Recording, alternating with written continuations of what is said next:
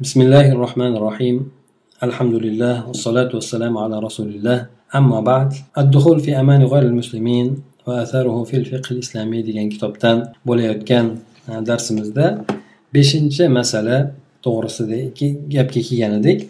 Bunda muallif shunday deb unvon qo'yadiki أن المسلم إذا دخل بلاد الكفار الحربيين وكان يقصد القيام بعمليات عسكرية ضدهم فأظهر لهم طلب الدخول في أمانهم فأعطوه الأمان وسمحوا له بدخول بلادهم وجب عليه ديانة وأخلاقا الالتزام بعقد الأمان وحزم عليه الغدر بهم musulmon odam agar kofirlarni diyoriga kiradigan bo'lsa ya'ni kofir harbiy bo'lgan odamlarni diyoriga kiradigan bo'lsa va o'sha joyda ularga qarshi harbiy amaliyot bajarishlikni maqsad qilgan bo'lsa ularga keyin keyin omonlikka kirishligini e, izhor qilib o'zidan shu talab qilayotganligini o'zidan ko'rsatadigan bo'lsa ya'ni ularni omonligiga kirmoqchi ekanligini ifoda qiluvchi holatlarni ko'rsatsa gaplarni aytsa hamda dushman ularga o'sha odamga omonlikni beradigan bo'lsa u diyorlariga kirishlikka ruxsat beradigan bo'lsa bunda haligi bo'lgan odamga kirgan odamga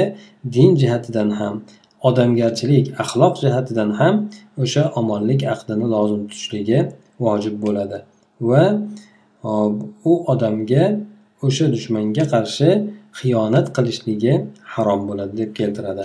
Mana bu demak unvon ostida muallif aytib o'tadiki ليس لهذا الأثر تعلق بواقع المسلمين المقيمين في بلاد الغرب لأنهم جاءوا إليها طلبا للأمان وأسباب أسباب المعيشة والاستقرار لكنه لا يخلو من فائدة في بيان ما في كلام فقهاء الإسلام من تأصيلات راجعة للعلاقات الدولية في حالتي الحرب والسلم وتعظيم للعهود والمواثيق وتأكيد على الالتزام به على وجه التدين لله عز وجل mana bu asarni mana bu masalani o'zi olib ko'radigan bo'lsak g'arb diyorida yashayotgan musulmonlarni voqeasiga o'zi aslida aloqasi yo'q sababi bular g'arbda yashayotgan musulmonlar o'zi aslida omonlik izlab hamda tirikchilik sabablarini yoki xotirjamlik sabablarini izlab kelishgan o'zi o'sha g'arb diyorlariga lekin nima bo'lganda ham bu yerda islom olimlarini mana bu boradagi bo'lgan aytgan gaplaridagi hop o'sha davlatlararo aloqalarni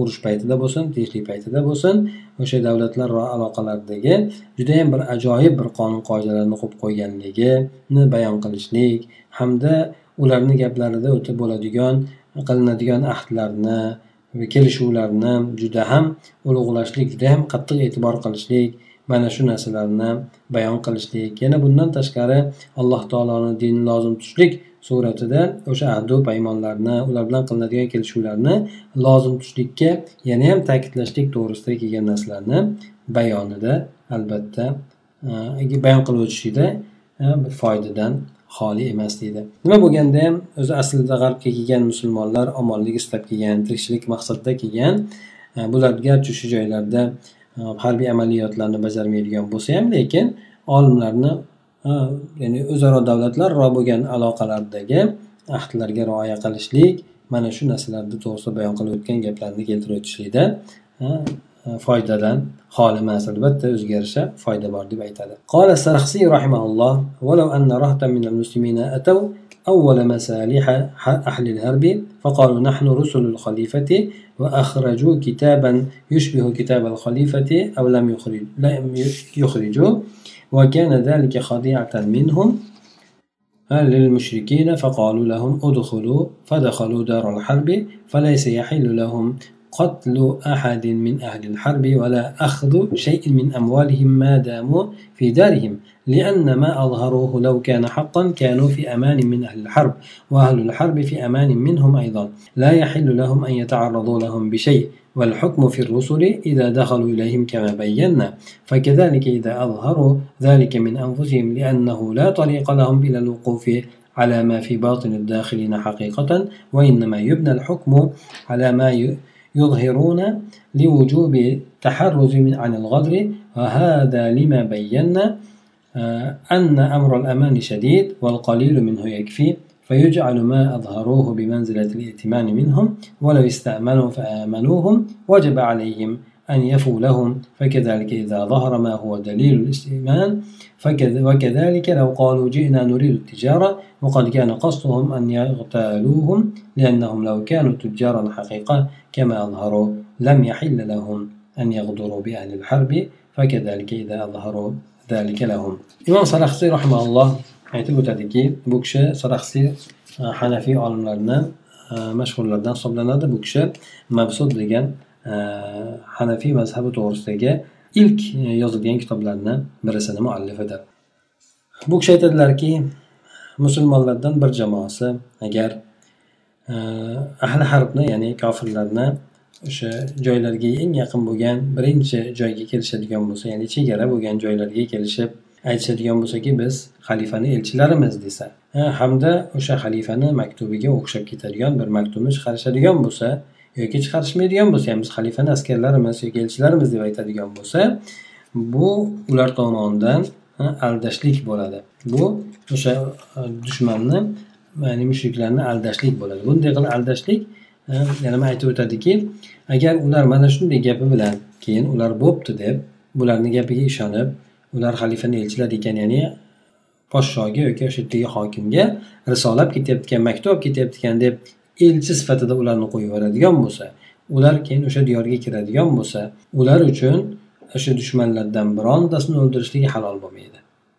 Ularni mollaridan bironta narsani olishligi ham halol bo'lmaydi. Olib olishligi halol bo'lmaydi modomiki ular ularni diyorida turgan bo'lsa. Chunki ular o'zlaridan izhor qilgan narsasi ya'ni xalifani elchisimiz deb aytgan narsasi haqiqat bo'ladigan bo'lsa bular dushmanlar tomonidan omonlikda bo'lishadi. Ya'ni xalifani elchisimiz deb aytgandan keyin bular e, o'shalar bo'p deb qabul qilib kirgizishadigan bo'lsa dushman tomoni ularga omonlik bergan bo'ladi. Dushman tomoni ham ulardan omonlikda bo'lishi kerak bo'ladi. Demak ular uchun dushmanlarga qarshi biron narsa bilan ko'ndalang bo'lishligi halol bo'lmaydi shunday bo'lgan holatda. Elchilar borasidagi hukm esa ular kufr diyoriga kiradigan bo'lsa biz bayon qilganimiz kabi deb bu saraxsiy rahimalloh aytib o'tadi. Ya'ni elchilarda albatta e, omonlik bilan qarshi olinadi. Ya'ni ularga qarshi e, bironta bir e, nojo'ya xatti harakat qilinmaydi. Shuningdek agar ular o'zlari tomonidan musulmonlar bir izhor qilishadigan bo'lsa o'sha narsani o'zlaridan biz biz xalifani elchilarimiz deb o'zlaridan ko'rsatishadigan bo'lsa ana unda bu odamlar uchun u odamlarni tashqarida shunday deb aytgandan keyin ichidagi bo'lgan o'sha kirgan odamlarni ichidagi bo'lgan haqiqatniga voqif bo'lishlikka yo'l yo'q endi. Hukm faqatgina insonni o'sha izhor qilayotgan narsasiga qarab turib bino qilinadi. Bu yerda albatta xiyonatdan ehtiyotkorlik vojib bo'lganligi uchun ya'ni ularni aytgan ichidagi bo'lgan maqsadini anglab bo'lmaydi. Ular tashqarida izhor qilayotgan narsasi aytayotgan gapiga ishonib turib ular biz elchilarmiz desa bo'pti ularni qo'yib yuboriladigan bo'lsa mana bu yerda demak u kirgan odamlar xiyonat qilmaydi deb turib bular tushunishadi. Agar xiyonat qilishligini bilganda umuman diyorga kirgizishmagan bo'lishardi. Mana shu narsa biz bayon qilganimizga e, ko'raki ya'ni bu yerdagi omonlik ishi juda qattiqdir. Omonlikga e, aloqador bo'lgan ish demak juda bir e, shiddatli qattiq bo'lgan narsa. Bundan ozginasi ham kifoya qilaveradi. Ya'ni o'sha omonlik to'g'risida ozgina bir aytiladigan bo'lsa ham o'sha omonlikka qabul qilinganligiga yetarli bo'laveradi.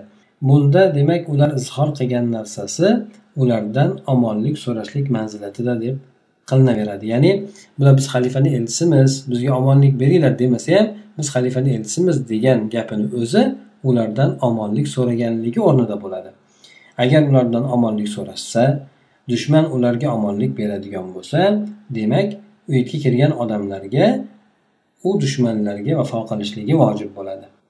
Ularga ya'ni bironta narsada xiyonat qilmasligi bironta narsada ularga shikast yetkazmasligi yoki molida bo'lsin jonida bo'lsin bunday bo'lish shikast yetkazadigan narsani zarar yetkazadigan narsani qilishligi mumkin bo'lmaydi. Agar bular aytsaki yoki bo'lmasa biz tijoratni xohlayapmiz ya'ni tijorat uchun keldik yoki ish uchun keldik deb aytadigan bo'lsa ularni maqsadi lekin e, ichida ularni aldab ketishlik ularni ularga xiyonat qilib ketishlik yoki bo'lmasa ularni bir portlatib boshqa narsa qilib ketishlik maqsadi bo'ladigan bo'lsa bunda ular haqiqatdan tijoratchi bo'lganida edi izhor qilgani kabi bo'lardi. Ya'ni tijoratchi deb e'tibor qilinardi.